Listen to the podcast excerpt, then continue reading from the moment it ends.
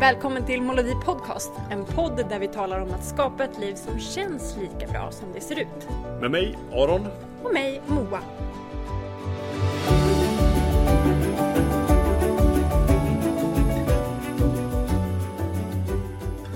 Hej och välkommen till säsong 4 av Molodi Podcast och avsnitt nummer 1. Hej Moa! Fan vad kul att vara igång igen eh, med Ja. en till säsong. Säsong 4. Det var, eh, Ja. det var en lyssnare som eh, hörde av sig och frågade om vi, om vi skulle köra en till säsong. En, en hen som inte prenumererar på nyhetsbrevet än. Eh, Ni som är prenumererar på det vet ju om att vi, vi kör eh, en till säsong av Molodin Podcast. Vi planerar att komma ut med 12 avsnitt i år, ungefär ett i månaden. Eh, Så nu Mm. här i mars så lyssnar ni till januariavsnittet då. Och sen så kommer februari. Precis, vi kommer Ja, hinna ikapp oss själva. Mm. 12 stycken under året, ungefär en i månaden. Eh, Mm. Känns sjukt kul att vara igång igen. Vad ska vi snacka om idag?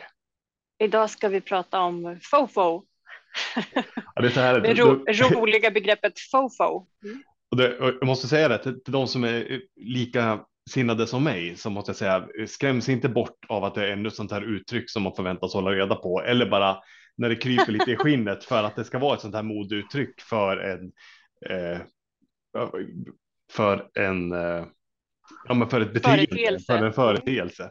Mm. Ehm, det är alltså det finns ju en poäng med alla de uttrycken. Tidigare har vi pratat om FOMO, eh, fear of missing out, och då har man ju nu fått en liten hint av vad FOFO kan Du tänkas. har väl hört talas om JOMO också Aron? Nej, det har jag faktiskt inte berättat för mig. Här är någonting för dig.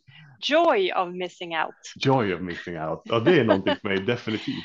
Nej, men Ja. den lilla brasklappen är just att jag har själv svårt för att det ska hela tiden komma nya modeord. Men den stora vinningen i att det finns sådana här begrepp, det är ju och varför de ens kommer fram och varför de ens fastnar. Det är för att det blir mycket lättare när man hittar ett begrepp som man sedan kan klä dem med innebörden av vad det betyder, snarare än att man ska behöva förklara hela den här um, företeelsen varenda gång man ska prata om den. Så det finns ju ett väldigt värde med, med begrepp överhuvudtaget och det är därför vi ofta återkommer till begrepp. Vi har pratat om Morodis lilla begreppsordbok till och med. Så, så um, om man får ett motstånd mot sådana här modebegrepp eh, som FOFO, FOMO och JOMO, då, då får man ta ett djupt andetag och lägga den åt sidan och sen lyssna på själva innebörden. Precis, jag tänker att vi tar upp det och har lite kul med det helt enkelt. Sen får vi se om det kommer bli invalt i Svenska Akademins ordlista. Det kanske kommer vara en del av att precis göra att det blir mer etablerat. ja. Eh, precis som vi pratat om så finns det fler begrepp i samma sfär. Eh, vad heter det första? FOMO, fear FOMO, of missing fear out. of missing out, alltså att rädslan för att missa saker och att man då blir driven att här, tacka ja till saker eh, för att man är rädd för att missa ett eh, roligt event, ett bra jobberbjudande, en härlig middag, vad det nu kan vara för någonting. Eh, och att man liksom eh, går med på mer saker, man tackar ja till fler saker egentligen än vad man egentligen har utrymme, lust, ekonomi för, bara för att man är rädd för att missa någonting som händer helt enkelt.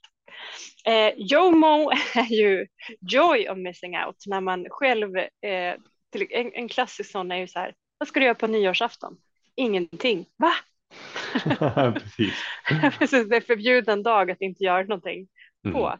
Men det kan vara en högst planerad eh, eh, joy of missing out, en glädje att inte göra någonting. Mm. Att missa den där roliga festen, den där härliga resan, eh, den där underbara middagen för att man gör det, eh, man hellre vill sitta hemma framför brasan och läsa en bok eller vara med Mm. sin partner eller någonting annat. Just Gå och lägga sig. Idag ska vi prata om FOFO, fear of finding out, rädslan för att få reda på någonting.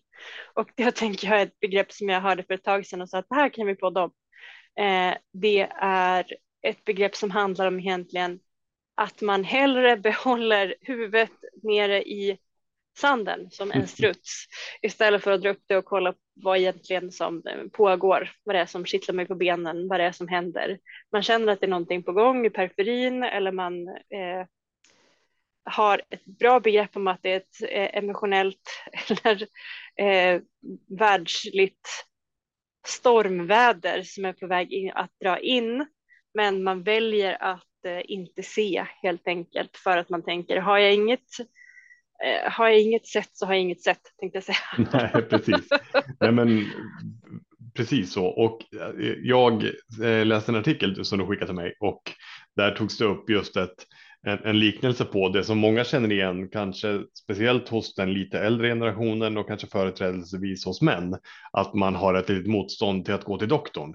För om man går till doktorn då kommer man bara hitta något skit, att jag har dåligt hjärta eller att jag borde sluta dricka eller att jag borde, ja, alla de där bitarna. Och att det sitter väldigt ihop, men att det har gjort en förflyttning då från den lite äldre, mer den medicinska biten över till den eh, ja, men, beteende och emotionella biten som vi kanske snarast kommer prata om här idag. Då. Precis.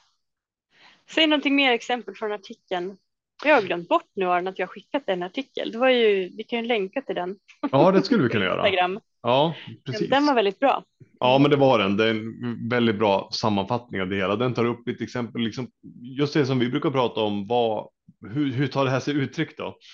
Um, och för det första, det handlar om en rädsla um, väldigt mycket. Det är därför vi fortsätter titta bortåt. Um, för att om vi tittar på ett, någonting som kan vara ett potentiellt problem, då kommer vi eventuellt se vad det är för någon typ av problem. Som vi pratat om tidigare så är det svårt att handla mot vårt bättre vetande. När vi får syn på ett Exakt. problem, då kommer vi bara känna oss nödda till att agera på det. Och måste vi agera på det, då finns det en risk att vi misslyckas och misslyckas vill vi inte göra eller att det kommer vara jobbigt eller att, att vi kommer behöva där vi inte riktigt vet. Så det blir Precis, den där typen FOFO av är eh, det som händer helt enkelt när man känner att eh, efter jul att eh, jag har inte ställt mig på vågen än och det tänker jag inte göra på ett tag heller. Nej, precis. Att, jag, jag gör det sen när jag tror. Tight. Precis, jag gör det sen när jag tror att svaret kommer vara det jag vill att det ska vara. Precis, och det är också ett uttryck för FOFO när vi lägger eh, brevhögen eller räkningarna eh, för de av er som får det postvägen fortfarande på mm. hög och man öppnar inte upp dem. Precis. Man tänker har jag inte öppnat så vet jag inget och då är det också ett uttryck för FOFO. Exakt, ja, men vi, tar, vi tar tre olika typer av exempel här då, som man kan se om man känner igen sig i. Eh, det skulle kunna vara om det är eh, jobbrelaterat. Det kan vara att man håller på ett utkast. Man kanske skriver en bok, man gör en låt eller man, man gör någonting som man producerar och så eh, vet man att man, jag borde nu blotta det här för världen eh, för att få lite feedback på det, men jag är lite rädd att bli liksom sänkt i mitt mod om det inte är så positivt som jag önskat skulle vara. Jag kanske får reda på att nej, men det här måste du faktiskt tänka om, eller det här måste man jobba om. Så det kan vara liksom en professionell kontext. Det kan också vara att man är inne i en process på jobbet eh, som man leder eller som man deltar i och man märker att det här går inte så bra som vi hade tänkt här borde vi egentligen titta på varför går det som det går? Men då är man rädd att få se att man är på väg fel väg och det skulle kanske kännas som ett misslyckande eller så måste man, man tänker på allt jobb det eventuellt skulle kräva att komma upp på rätt eh, spår igen. Det kan också vara i, i, i den mer privata kontexten i relationer. Eh, de som lever i ett, i ett samboförhållande eller gifta eh, kan känna igen just det här att det finns någonting i luften mellan en och ens partner man känner att det är någonting här. Lite det här elefant, måste inte vara elefanten i rummet, det brukar vara ganska superuppenbart, men, men det skulle kunna vara strutsen i rummet. mm. men, men um, man känner att det är någonting, är det någonting vi borde prata om, men man undviker att sätta sig ner och ta det här samtalet för att då kanske det dyker upp någonting. Det kanske är så här, vi behöver fundera på vad vi håller på med. är det verkligen det här vi vill? Eller är det någonting som kanske skaver mer än vad vi vill erkänna? Det där är alla små tecken på, eh, eller ganska tydliga uttryck av just det här fear of finding out. Man prokrastinerar hellre, man tittar hellre åt ett annat håll än därifrån det låter oroväckande. Mm. För att Ofta slippa. handlar det om att uh, tänka att man har en så otroligt dystopisk bild också av att vad som kan hända, man till och med kanske börjar fundera på, men om eh, det får ett dåligt besked av min läkare, mm. då är det säkert ett besked om att jag har en obotlig sjukdom, att man tänker liksom att det är det värsta. Eh, och därför så skalan är ju ofta eh, bred liksom. Precis, eh, och att det är ofta därför man inte tar tag i det. Eller jag känner att det är någonting mellan mig och min partner, men eh, hen kanske vill skiljas, därför säger jag ingenting. Nej, att man precis. också så här, har tänkt det yttersta, det värsta eller eh, hade vi mer för exempel? Ja, men till exempel på jobbet, min chef kommer hata det här och avskeda mig. Alltså ofta så. så. har vi liksom den här extrema skalan mellan eh, bäst scenario, eh, det sämsta scenariot, tänkbara scenariot. Men det mm. som oftast är sant också för att man ska våga ta tag i det här och man tänker att i, i vissa aspekter av mitt liv så känner jag igen det här med eh, rädslan för att finna ut vad det är för någonting som pågår. Det som man kan titta på då den här skalan mellan eh, bästa scenariot, sämsta scenariot och de allra, allra flesta fall så hamnar man någonstans emellan.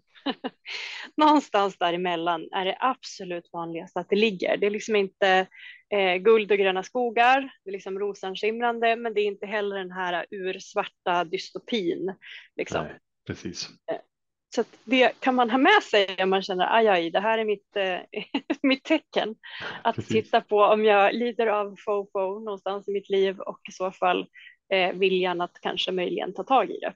Så är det här ditt tecken att göra det, gjort. Precis, om du har väntat med ett tecken. Precis. Precis, så är det här det tecknet. Ja. Gud, du sa så mycket bra saker och jag tänker att um, um, på de här exemplen, vad var det första exemplet du tog? Det här var på jobbet, eller hur? Ja, precis. Vad var det jag mm. sa? Det första på jobbet, just det om man, om man, eh, att man undviker att blotta ja. någonting för att få feedback. Ja, precis. Och jag mm. tänker också att det där hänger ofta ihop med liksom en större rädsla för misslyckanden, ofta. Mm. Eller rädsla för att uppdagas eh, att man är en bluff. Eh, att man inte fyller ut sina skor. liksom. Det är ett till sånt där häftigt modeord med, eller hur? Imposter syndrome. Fylla ut sina skor. Imposter syndrome, precis. Ja, att, att någon kommer upptäcka att jag går runt och lottas, äh, låtsas här. Exakt, och det mm. är ett otroligt vanligt situation, speciellt ju högre upp man kommer i en organisatorisk hierarki eller ju mer framgångsrik man blir. Mm.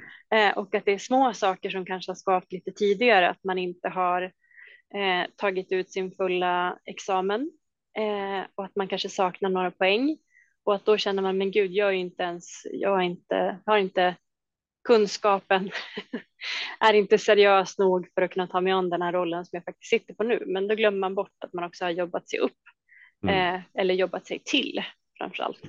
Eh, den positionen man har, att man också har visat genom handling att man är fullt kapabel att ha den positionen, det ansvaret, den rollen. Mm. Eh, men det är vanligt.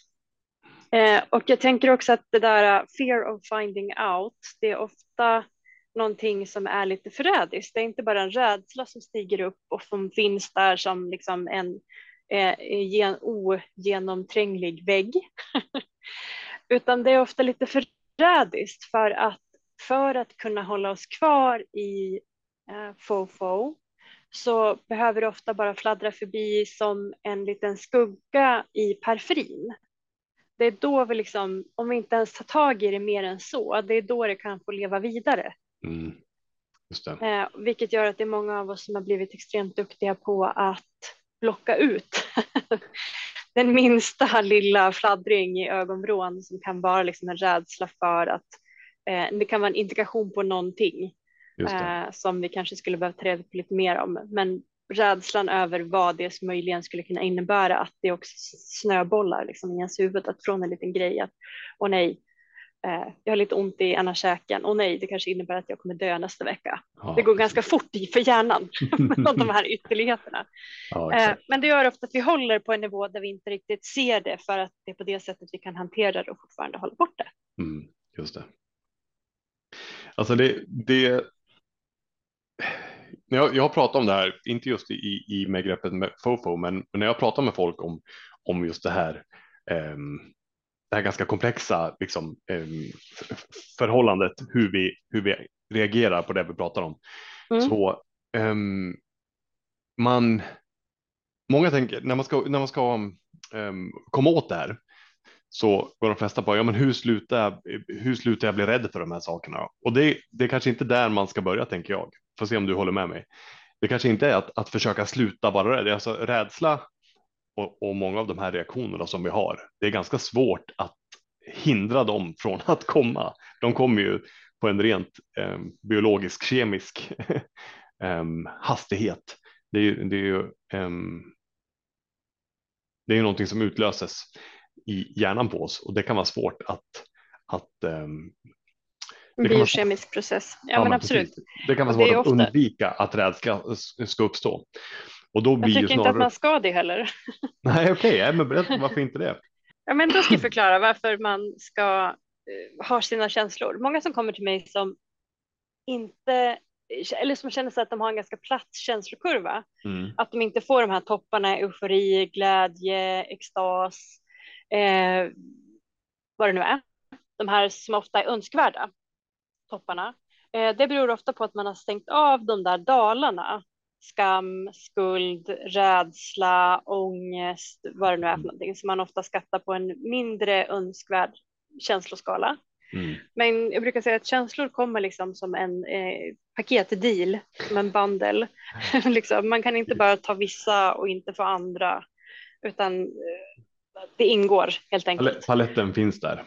Paletten finns där och det gör att har man mutat, liksom, har man tonat ner, dövat ner också de negativa känslorna, då följer ofta de positiva känslorna som man vill ha, mm. följer ofta med. Så jag brukar inte säga att man ska liksom träna bort och vara rädd, utan rädsla kommer vara där, men att det inte behöver vara det som styr våra beslut eller som eh, försöka få ner det på en nivå som inte gör att det liksom kapar hela det inre neurobiologiska systemet.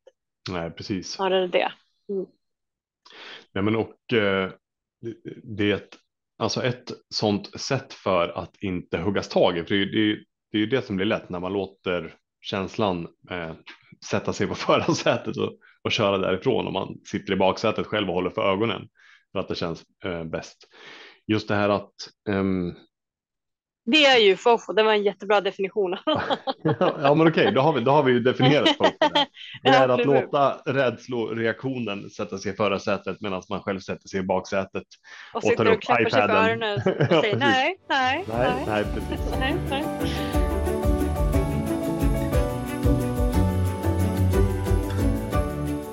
Som sagt, eh, känslor försvinner oftast inte för att man försöker trycka tillbaka dem i, i liksom det Ehm, rävhålet som de eh, kommer från.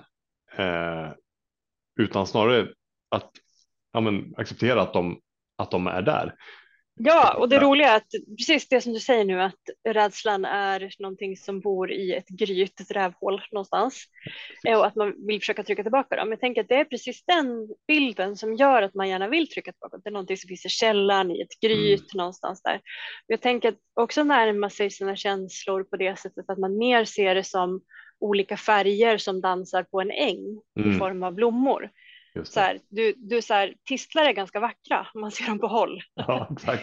Eh, börjar man ta dem så här och bära dem eller försöka bryta loss dem sitter de jävligt hårt i marken och de är ganska taggiga att ta i. Ja, Men ja, att bara så här, observera de olika blommorna som växer där och tillsammans gör de en ganska skön och fin blandning. Mm. Och de rör sig lite olika i vinden. Att mer se känslor på det sättet. Eh, man måste inte plocka med sig alla hem.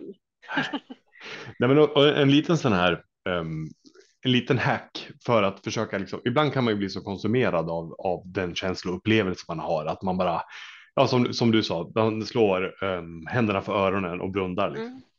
Jag pratade med en, en kompis för några veckor sedan om just det där, men och, som tyckte att hen eh, slets med i känslorna och, och att man identifierar sig så mycket med, med den rädslan som, eh, som dyker upp.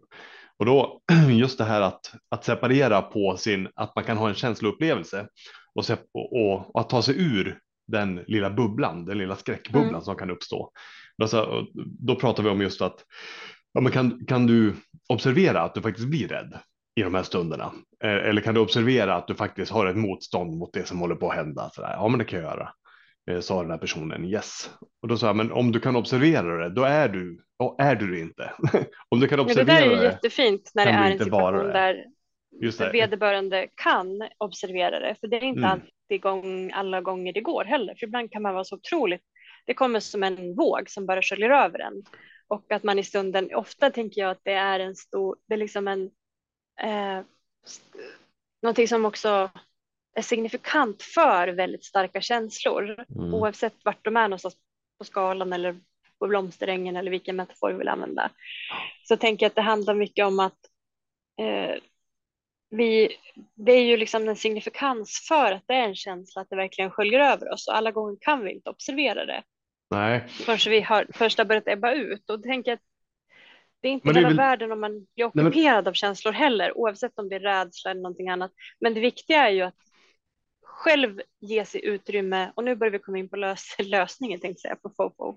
Men, men det är ju också, tänker jag, där att skapa observationsutrymme och att ha en, en, en rutin för att skapa det hos sig själv eller av någon annan. Precis som mm. de här poddarna är ju en möjlighet och ett tillfälle för dig som lyssnar att stanna upp och reflektera över olika frågor som berör livet.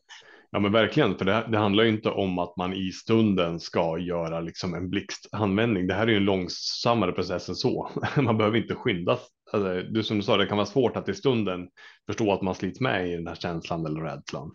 Men mm. när det ebbar ut, då, då när liksom um, när hippocampus sakta börjar komma tillbaka, när amygdala släpper kniven från halsen, eh, mm. så ja, men det, det är då man kan börja um, se de här bitarna och det är där som man har chansen att uh, att inte sitta kvar i baksätet. Ja, när, liksom, när vansinnesfärden eh, kommer ut på landsvägen och hastigheten sänks lite grann, då kan man säga till rädsla att svänga av här framme på den här avfarten så kan jag börja köra igen. Jag kan köra en stund, du ser trött ut. ja, men precis. Ja, men, och... jag, tänk, jag tänker att just det här med rädslor och eh, men få till det där på ett bra sätt. Jag tänker att det också i dagens samhälle där man är väldigt generellt sett mycket mer stressad än för hundra år sedan och mm. mycket mer stress, vilket gör att vi är mycket mer överhopade av känslor. Eh, och så tänkte jag att jag läste nyligen Susan Kane, tror man uttalar, Kain stavas det. Mm. Alltid märkligt att man ska säga någonting högt första gången som man bara läst. Hon har skrivit flera böcker, men den läst sist heter Tyst. Och det handlar om eh, introvertas plats i ett extrovert samhälle. Hon är amerikan, så det är också en mer kulturellt eh, extrovert samhälle än vad vi kanske är i Sverige. Mm. Men det hon också tog upp där att har man en lite introvert läggning där man också eh, känner sig mer bombarderad av yttre intryck, då är också just du pratade om olika delar i hjärnan alldeles nyss, hippocampus och eh, amygdala. Mm. Amygdala är mer lättretad hos personer med en sån eh, neuropsykologisk komposition. Mm, okay. eh, så att jag tänker att också vissa är mera förfördelade att känna mer rädsla och ångest, men eh, om det är någon slags eh, eh tröst så är de väldigt viktiga för gruppen. Eh, att de också är de som ser, eh, ser faror först i gruppen och kan flagga ja. för det till alla. Mm. Ja, du ser. Mm. Men för jag, jag tänker, du sa det innan där, jag tänker att bero på liksom vad, vad, hur kan man förhålla sig till det? Jag, du, du snackar om att hjärnan rätt galopperar iväg till, till worst case scenario och det, där, där ligger väl en del eh, av lösningen också. Eh, att man faktiskt tittar på, okej, okay, om nu har jag det här, om man, om man nu får syn på det, det är en förutsättning för allting för att kunna jobba med det. Om jag nu eh, något av, ska vi ta det privata eller professionella eh, exemplet? Vi kan ta professionella. det professionella.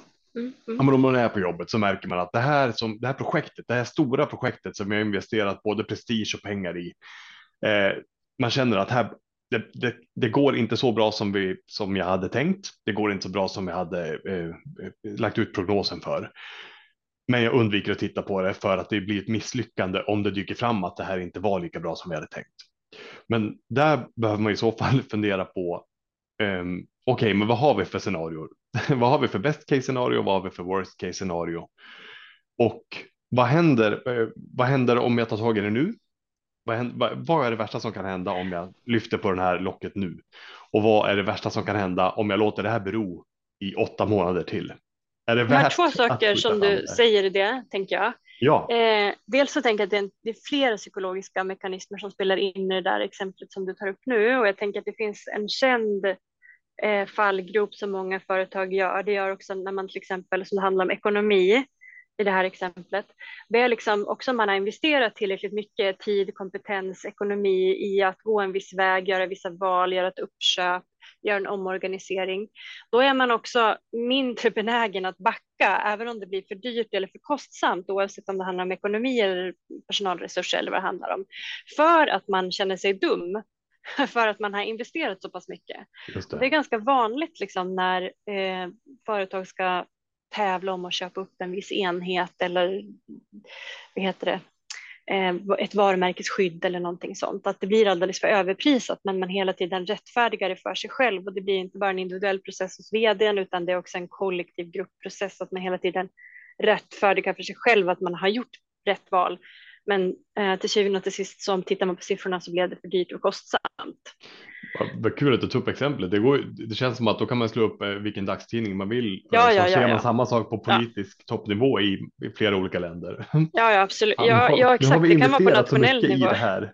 Eh, ja, så ja, nu kan precis. vi inte backa. Precis, Nej, det är det. Och jag tänker att det, det där, vi hade eh, ett vinägrettexempel på det i, i, min lilla familj häromveckan.